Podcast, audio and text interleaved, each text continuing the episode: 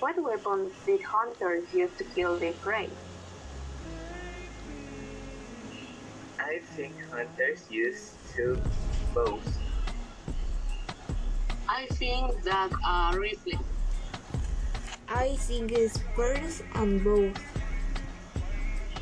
Okay, if you had to choose a brand, what would it be?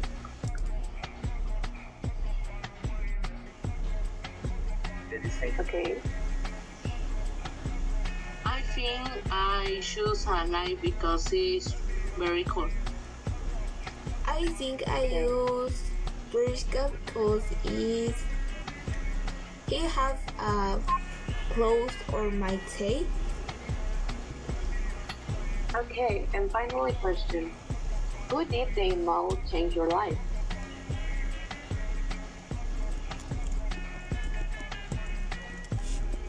It's too low to the mall, but now I can I can go to them and I like it.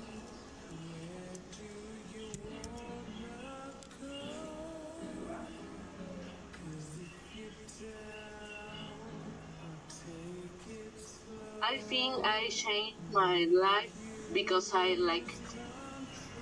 I think it's the fourth type on clothes and I watch it the fashion.